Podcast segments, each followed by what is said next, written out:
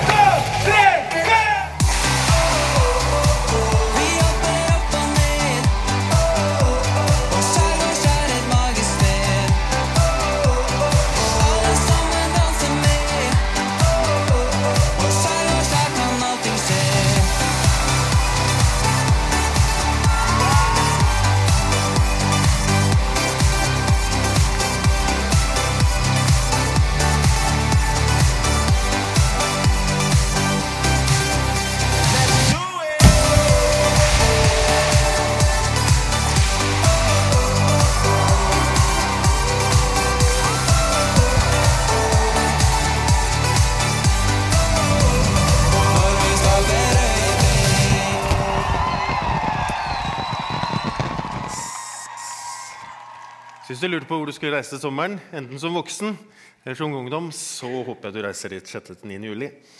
Men det jeg hadde tenkt jeg skulle snakke om i dag, er Martha og Maria. Og når jeg snakker om Martha og Maria, Hvis de som har veldig godt syn, ser at det står 'og Lasarus' med veldig liten skrift. For det er ganske vanskelig å snakke om Martha og Maria uten å snakke med Lasarus. Selv om han er på en måte litt som en parentes. Det kommer vi tilbake til. Men Martha, Maria og Lasarus var jo tre søsken. Det betyr at de hadde samme opphav, men så var de veldig forskjellige. Akkurat som vi her, her i dag. Du kan jo se deg rundt. så kan du se, Vi er ganske forskjellige. Vi ser forskjellige ut. Vi liker forskjellige ting. Vi har forskjellig personlighet. Vi er forskjellig satt sammen. Vi har forskjellige gaver og nådegaver på fint. da, Forskjellige ting vi liker å gjøre i kirken og ellers. Men akkurat som at det at vi er forskjellige, er viktig i Porsgrunn misjonskirke, og at vi da henger sammen, sånn var det også for Martha og Maria og, Jesus, nei, og Lasarus. Og så har jeg tenkt at Martha og Maria og Lasarus illustrerer på en måte tre sider i mitt kristenliv også. Hvor du har den stille, tilbedende, lyttende Maria. Og så har du den arbeidende og handlende Martha. Og så har du det levende miraklet Lasarus, som bare er til stede, og som gjennom det er et levende vitnesbyrd for hvem Jesus er. Jeg tenker at Dette er i hvert fall ulike faser i mitt liv. Faser hvor jeg er tilbeden og kan være stille og lyttende foran Jesu føtter. Og Av og til så arbeider jeg ganske hardt og gjør mange ting.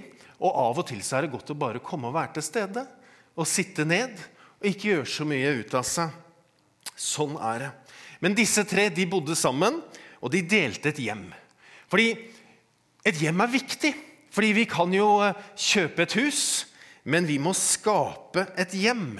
Vi sier jo ofte 'borte bra, men hjemme best'. Og et hjemmet vårt er jo noe av det kjæreste og viktigste vi har. Og Det handler jo ikke bare om liksom huset eller leiligheten eller stedet eller liksom adressen. Men det handler om å ha et sted hvor vi hører til. Et sted vi identifiserer oss med, og hvor vi kan være oss selv. Så vi kan kjøpe et hus eller en leilighet, men et hjem kan vi jo bare skape. Jeg er gift med en som heter Maria, og så har vi tre barn. Og når de er borte, så er jo huset vårt egentlig bare et sånt hus. Men det er jo når de kommer og, er, og fyller det med liv og rom og krangel og glede, det er jo da det er et hjem. Så det handler om å fylle dette huset og skape et hus som blir et hjem. Og Jesus han eh, var mye hos Martha og Maria. Og Martha, Maria og Lasarus hadde jo bestemt seg for at deres hjem ikke skulle være et sånt lukket hjem, men at det skulle være et åpent og gjestfritt hjem som var åpent for alle mennesker. Og Hjemmet til Martha, Maria og Lasarus ble jo hjemmet til Jesu borte. Fordi Jesus han bodde jo egentlig nord i Kapernaum, og så var han ofte nedafor, som vi sier i Grenland. Ehm, og når han var nedafor, så bodde han ofte hos Martha, Maria og Lasarus. Og så og så ble det på en måte Jesu hjem borte. Så jeg tenkte kanskje du også har sånne hjem borte. Altså Jeg har det noen sånne steder, eller hjem, hvor jeg reiser til og overnatter. Og ofte får jeg samme rom, samme seng, samme dyne og pute. Og veldig ofte så har jeg samme dynetrekk. Og så kan jeg kjenne at det lukter det samme som det det gjorde sist. Og så blir det en vane og et hjem borte. Og når vi snakker om hjem som får besøk av noen, så er det jo sånn at eierne av hjemmet de er jo vertene. Mens vi som kommer på besøk, vi er jo gjester. Og Maria, Martha og Lasarus kan vi lese om at var gode vertskap. Og Det var kanskje en av grunnene til at Jesus elsket å komme dit. Men utfordringen med Jesus det var at når han kom dit på besøk, så ble rollene ofte bytta om. Altså De som var verter, ble på en måte gjester i eget hjem. Og Jesus, som egentlig skulle være gjest, han ble jo det som alt handla om. Fordi han delte jo det som han hadde fått av sin far. Og plutselig så var det Jesus som var sentrum. For du vet, når Jesus er til stede, så er det han som er hovedperson. Da er det han som alt kretser rundt, og han som alt handler om. Og så tenker jeg, Hvis vi ikke har noen annen ting felles her i Porsgrunn misjonskirke, så er Jesus den som binder oss sammen, og det er han som alt handler om. Det er han som gjør at vi kan ha et fellesskap bygd på tilhørighet, som alle mennesker er velkommen til å være en del av. For jeg tenkte, Hva er det som gjør en kirke til en kirke? Dere har jo ikke et sånt voldsomt spir. Ikke veldig høyt. Og Det er ikke interiøret heller, kanskje, selv om det er litt sånn likt. Det er ikke pynten eller fasaden. Men det som gjør en kirke til en kirke, det er jo evangeliet om Jesus Kristus. Det er Jesus vi samles rundt. Seks dager før påske kom Jesus til Betania, der Lasarus bodde. Han som Jesus hadde vekket opp fra de døde. Der ble det holdt et festmåltid for ham. Vennene til Jesus de hadde bestemt seg for at nå måtte de holde fest for Jesus. Og det var jo ikke så rart, for Jesus hadde jo ikke så lenge før vekket opp Lasarus fra de døde. Og så det, kan vi lese i kapittelet før, i Johannes 11 og 12, at det er påsken som nærmer seg.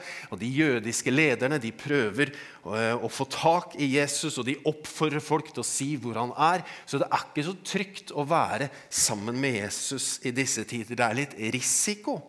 Og da er det jo flott, har jeg tenkt, at det finnes et sånn hjem borte for Jesus hvor han kan være. Og disse vennene som var der, hadde jo bestemt seg da for å holde fest. Og så ble hjemmet deres også litt for lite, for det var så mange som kom. Så du kan lese i Matteusevangeliet at de også leide seg inn borte i gata hos han Simon den spedalske for at alle skulle få plass. Men hva slags fest var dette? Jo, det var jo en fest for festens skyld. Og så tenkte jeg ja, Det er jo bra med sånne fester, fordi det er jo så mange hverdager. Og så tror jeg at vi som kirke og som fellesskap skal bli flinkere til å ha fest for festens skyld. Hvor vi inviterer til fester rett og slett bare for å ha fest. Og det beste med sånne fester for festens skyld er jo at du går dit fordi du vil. Ikke fordi du må. Eller føler at du har en plikt til å gå i et bryllup eller en konfirmasjon eller en dåp eller en bursdag. eller sånn. Nei, du går på fest for festens skyld fordi du vil. Samtidig så var jo også dette en fest med hensikt. Fordi vennene til Jesus de ønsket å ære han og takke han og hylle han for den han var for dem. Han hadde jo tross alt vekka Lasarus opp fra de døde. Det er verdt en fest. Men så skjer det noe på denne festen. Fordi fester de utvikler seg, og noen sier som har vært mye på fest, jeg har ikke vært så mye på fest, men de sier at de lever på en måte litt sånn egne liv. Og det kan hende at Maria opplever at denne hensikten med festen begynner å blekne. Fordi hun merker at han derre Peter han tar så grusomt svær plass. Folk var jo bare opptatt av all den gode maten. Og hensikten begynner å forsvinne litt. Og Kanskje hun opplever at også Jesus begynner å forsvinne litt midt i denne festen. Kanskje det var derfor hun gikk ut og bak for å hente denne krukken med nardusolje for å minne alle på at vi feirer Jesus. Da kom Maria med et pund ekte, kostbar nardussalve. Og med den salvet hun Jesu føtter og tørket dem med håret sitt. Hele huset var fylt av duften. Du vet, Nardussalve det er ikke for vanlige folk. Det er for kongelige og geistlige. En tredjedels liter var det i denne flasken. Og så har ikke denne alabastkrukken den har ikke noe skrukork, sånn som vi har på Zero. Men du må brekke den, eller knekke den. Og når du da først har gjort det, så må du bruke den. Du kan gjøre det over litt tid, men det kan ikke gå så lang tid. Og så er denne salven som hun kommer med, er verdt 300 denarer, som var en årslønn på den tiden. Og Så ser jeg for meg at hun kommer til Jesus, og så knekker hun halsen. Og så begynner hun å salve Jesu føtter. Litt og litt, og mer og mer. Og så salver hun ikke hodet hans, for det er hun for ydmyk til. Men hun salver føttene, og så begynner hun å tørke dem med håret sitt. Og litt etter litt så begynner huset å fylles av denne duften. Det Maria gir Jesus, det er hennes kapital. Vi vet ikke hvor hun hadde fått denne nardus-salven fra. Men det var hennes sikkerhet, hennes ære og pensjon. Hennes kapital. Jeg vet ikke hva som er din kapital. Jeg vet ikke om Det kan godt hende at du er fattig på penger. Men kanskje du har stor kapital i kompetanse, i erfaring, i kunnskap, i tålmodighet, i raushet, i kjærlighet, i talent for noe. Og denne kapitalen den kaller jo vi og du for din. Men kanskje at du i dag, eller i dagene som ligger foran, skal legge denne kapitalen ned for Jesu føtter og si at 'jeg gir den til deg'. Den er ikke lenger min. Alt jeg har, Jesus, det er ikke lenger mitt, men jeg gir det tilbake til deg. Sånn at du kan få ære det, og sånn at du kan velsigne det, sånn at det blir til mer for de som er rundt meg. Du vet, For Maria så var det mye viktigere for henne at det lukta godt av Jesus enn av henne selv. Og så ble hele huset ble fylt av duften. Og så jeg tenkte, hva lukter det av oss? Hva lukter det av kirken? Eller hva lukter det av meg? Lukter det litt sånn innestengt og klem, klamt? Litt sånn gammel svette? Eller bare camphor drops? Eller lukter det litt sånn nytrakta kaffe og parfyme? Lukter det kjærlighet og tålmodighet av oss? Eller godhet? For jeg lurte på går det an å lukte Jesus. Da sa Judas Iskariot, en av disiplene, han som siden forrådte ham, Hvorfor ble ikke denne salven solgt for 300 denarer og pengene gitt til de fattige? Dette sa han ikke fordi han hadde omsorg for de fattige, men fordi han var en tyv. Det var han som hadde, tatt, hadde pengekassen, og han pleide å ta av det som ble lagt i den. Men Jesus sa, 'La henne være. Hun har spart salven til den dagen jeg skal begraves.' De fattige har dere alltid hos dere, men meg har dere ikke alltid. Og Maria blir kritisert av Judas for det hun gjør. Så bekrefter Jesus for henne og for alle at hun gjør det for meg. Du vet, Vi som tjener i kirker og menigheter, vi er forskjellige. Vi har forskjellige tjenester.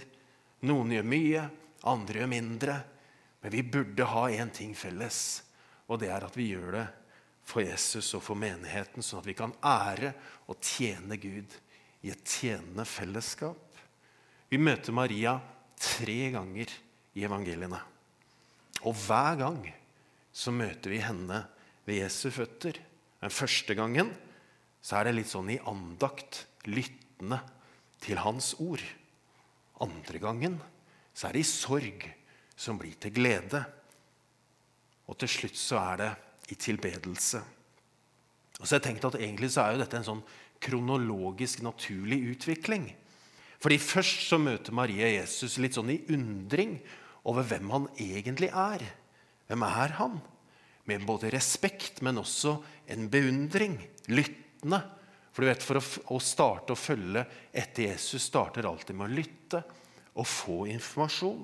Og så møter Maria Jesus i sorg, i smerte, som blir til glede i forbindelse med at Lasarus er død og blir levende igjen.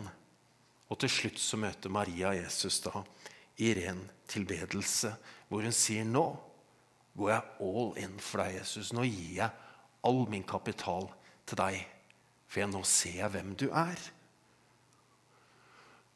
Og Vi som leser disse tekstene, vi vet jo at dette er lørdag før palmesøndag.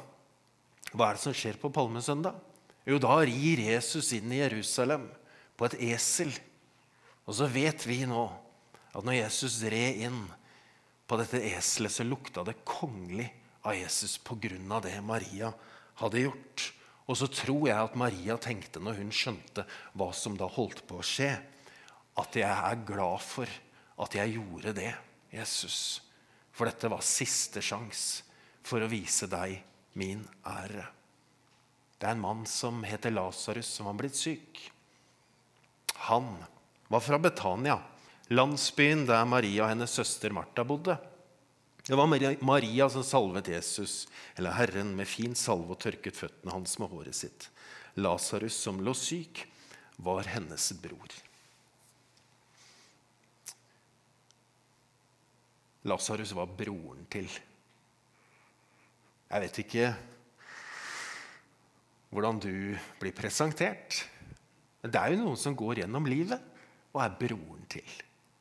Ja, du er broren til Peter, eller du er broren til Eller du er onkelen til, eller du er pappaen til. Og det er du som er barnebarnet til. Eller det er du som er barnet til, eller nevøen til, eller naboen til. Men Lasarus var broren til Martha og Maria.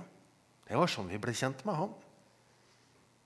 De var kanskje veldig flotte og vakre og tok liksom fylte hele rommet når de kom inn. Kanskje de var sånn. Det var kanskje ikke så rart at det ikke alltid var plass til Lasarus, men han var broren til. Maria var jo den som var tilbedende, og Martha hun styrte hjemme, og Lasarus var han var med. Og han var jo unik. Fordi når du leser evangeliene, så sier ikke Lasarus noen ting. Han gjør heller ingenting av eget initiativ. Han bare er til stede, Lasarus. Og det er så fint. Altså går Lasarus da gjennom noen hendelser som medfører at når du kommer på den andre siden, så blir han et levende eksempel for hva Jesus kan gjøre. Uten egentlig å gjøre noen ting selv. Og så ender Lasarus liggende til bords sammen med Martha og Maria og Jesus hjemme hos han selv. Så jeg tenker på kanskje du er der. Eller noen du kjenner. Kanskje dere gjennomgår noen tider, noen krevende ting, som krever så mye av dere akkurat nå at du lurer på om ditt plass, din plass ved bordet sammen med Jesus fremdeles er der. At det er holdt av til deg. For noen av oss så farer livet så hardt med oss for tiden at det er vanskelig å se en ende på alt. Eller kanskje livet ditt er så bra nå at du ikke ser behovet for å komme og sitte ved dette bordet sammen med Jesus. Søstrene de sendte bud til Jesus og sa, 'Herre, han som du er så glad i, er syk.' 'Han som du er så glad i, er syk', sier de. Og Likevel så blir Jesus to dager til i Betania før han møter opp hos Martha og Maria, og hvor Jesus til slutt roper Lasarus ut av graven, og så oppstår Lasarus fra de døde. Egentlig så kan eh, Tore snakke om denne historien på en egen søndag, om Lasarus. Bare et lite innspill. Ehm, men det er et veldig, veldig viktig poeng i den historien. Fordi Jesus sier 'ta steinen bort', sier han. Og så ber han denne bønnen her. Så ber han 'Far, jeg takker deg fordi du har hørt meg'. Jeg vet at du alltid hører meg. Men jeg sier dette på grunn av alt folket omkring, så de skal tro at du har sendt meg. Da han hadde sagt dette, ropte han høyt. Kom, Lasarus, kom ut. Du vet, Jesus hadde jo ikke trengt å rope høyt. Han hadde jo ikke det. Men når han roper høyt, så uttrykker den autoriteten som han har, som han har fått fra sin far i himmelen, at han kan rope Lasarus opp fra de døde og ut. Også fordi han roper 'Kom ut'. Han roper ikke 'bli levende igjen', oppstå fra de døde igjen, men han roper 'kom ut'. Og Hva er det Jesus roper til deg? Når han roper 'kom ut', hva kan dette 'kom ut' av og til være? Det kan være mange ting. Det kan være selvmedlidenhet. Det kan være skam. Det kan være innestengsel. Det kan være å komme ut fra gamle spor. Kom ut, Jesus, for å komme inn til meg. Kom ut for å komme til fellesskapet i kirken. Kom ut til en helt ny tilhørighet. Kom ut, Jesus. For hva er en kirke? Hva er egentlig et menighetsfellesskap? Det er mange ting, men man kan si at det er tre ting. Det ene er at det er et fellesskap hvor vi hører til. På fint så sier vi et tilhørende fellesskap. Og det er ikke en sånn fiktiv teologisk idé. Men det er en helt konkret ting på et helt bestemt sted, på en helt bestemt tid, som Porsgrunn misjonskirke, så det betyr ikke det at vi, skal være, at vi skal slutte å være individualister og leve våre egne liv. Men det betyr at vi kan knytte oss til og tilhøre et kollektiv sted, en større helhet, der Gud og fellesskapet blir det sentrale. Og så sier vi at det er et tilbedende fellesskap. Og Det handler om at Jesus sier at der hvor to eller tre er samlet i mitt navn, der er jeg. Derfor kan du stole på at Jesus er midt i menighetsfellesskapet, hvor vi også da er et tjenende fellesskap, som betyr at vi alle bidrar. Hvor vi er Kristi kropp, hvor du er et lem på hans legeme, hvor han har gitt deg noe som han ønsker at du skal bruke og ære han med. Hvor vi er likeverdige. Lars Rommundal han sier det veldig fint. Han sier at i praksis handler dette om å ta del i fellesskapets oppgaver, byrder og velsignelser, og om å være engasjert i det oppdraget som Jesus har gitt alle sine etterfølgere. Du vet Martha og Maria og Lasarus. De var tre forskjellige mennesker med tre ulike personligheter. Med dybde, kompleksitet og ulike behov. Og så var de også søsken. Og så har jeg tenkt Og jeg håper at når du ser på disse tre, så kan du bli inspirert både til eget liv og vite at livet ditt har mange faser og mange ulike rammer. Og kanskje du kan se på menighetsfellesskapet i Porsgrunn misjonskirke at det er gjennomsyra av Guds nåde, av en tilhørighet, en tilstedeværelse og en tjeneste. Som gir deg hva da? Jo, styrke til hverdagen. Styrke til livet og for dagen i dag. Skal vi be en bønn? Far i himmelen. Takk for eh, at vi kan komme til deg. Og takk for at du tar imot oss akkurat sånn som vi er, Herre. Takk for at du har bevart disse tekstene, sånn at vi kan lese hvordan du er, og hva du gjør. Nå ser du våre liv.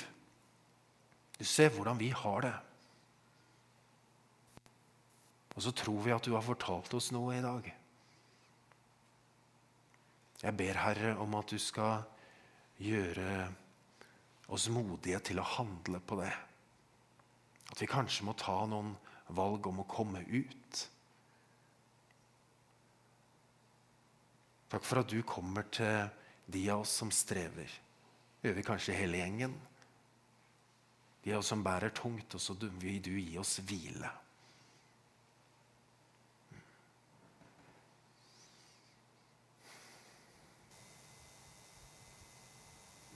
Takk for din nåde, Herre, som er ny hver eneste morgen. Og hjelp oss, Herre, til å se vårt liv i perspektivet og i øynene dine.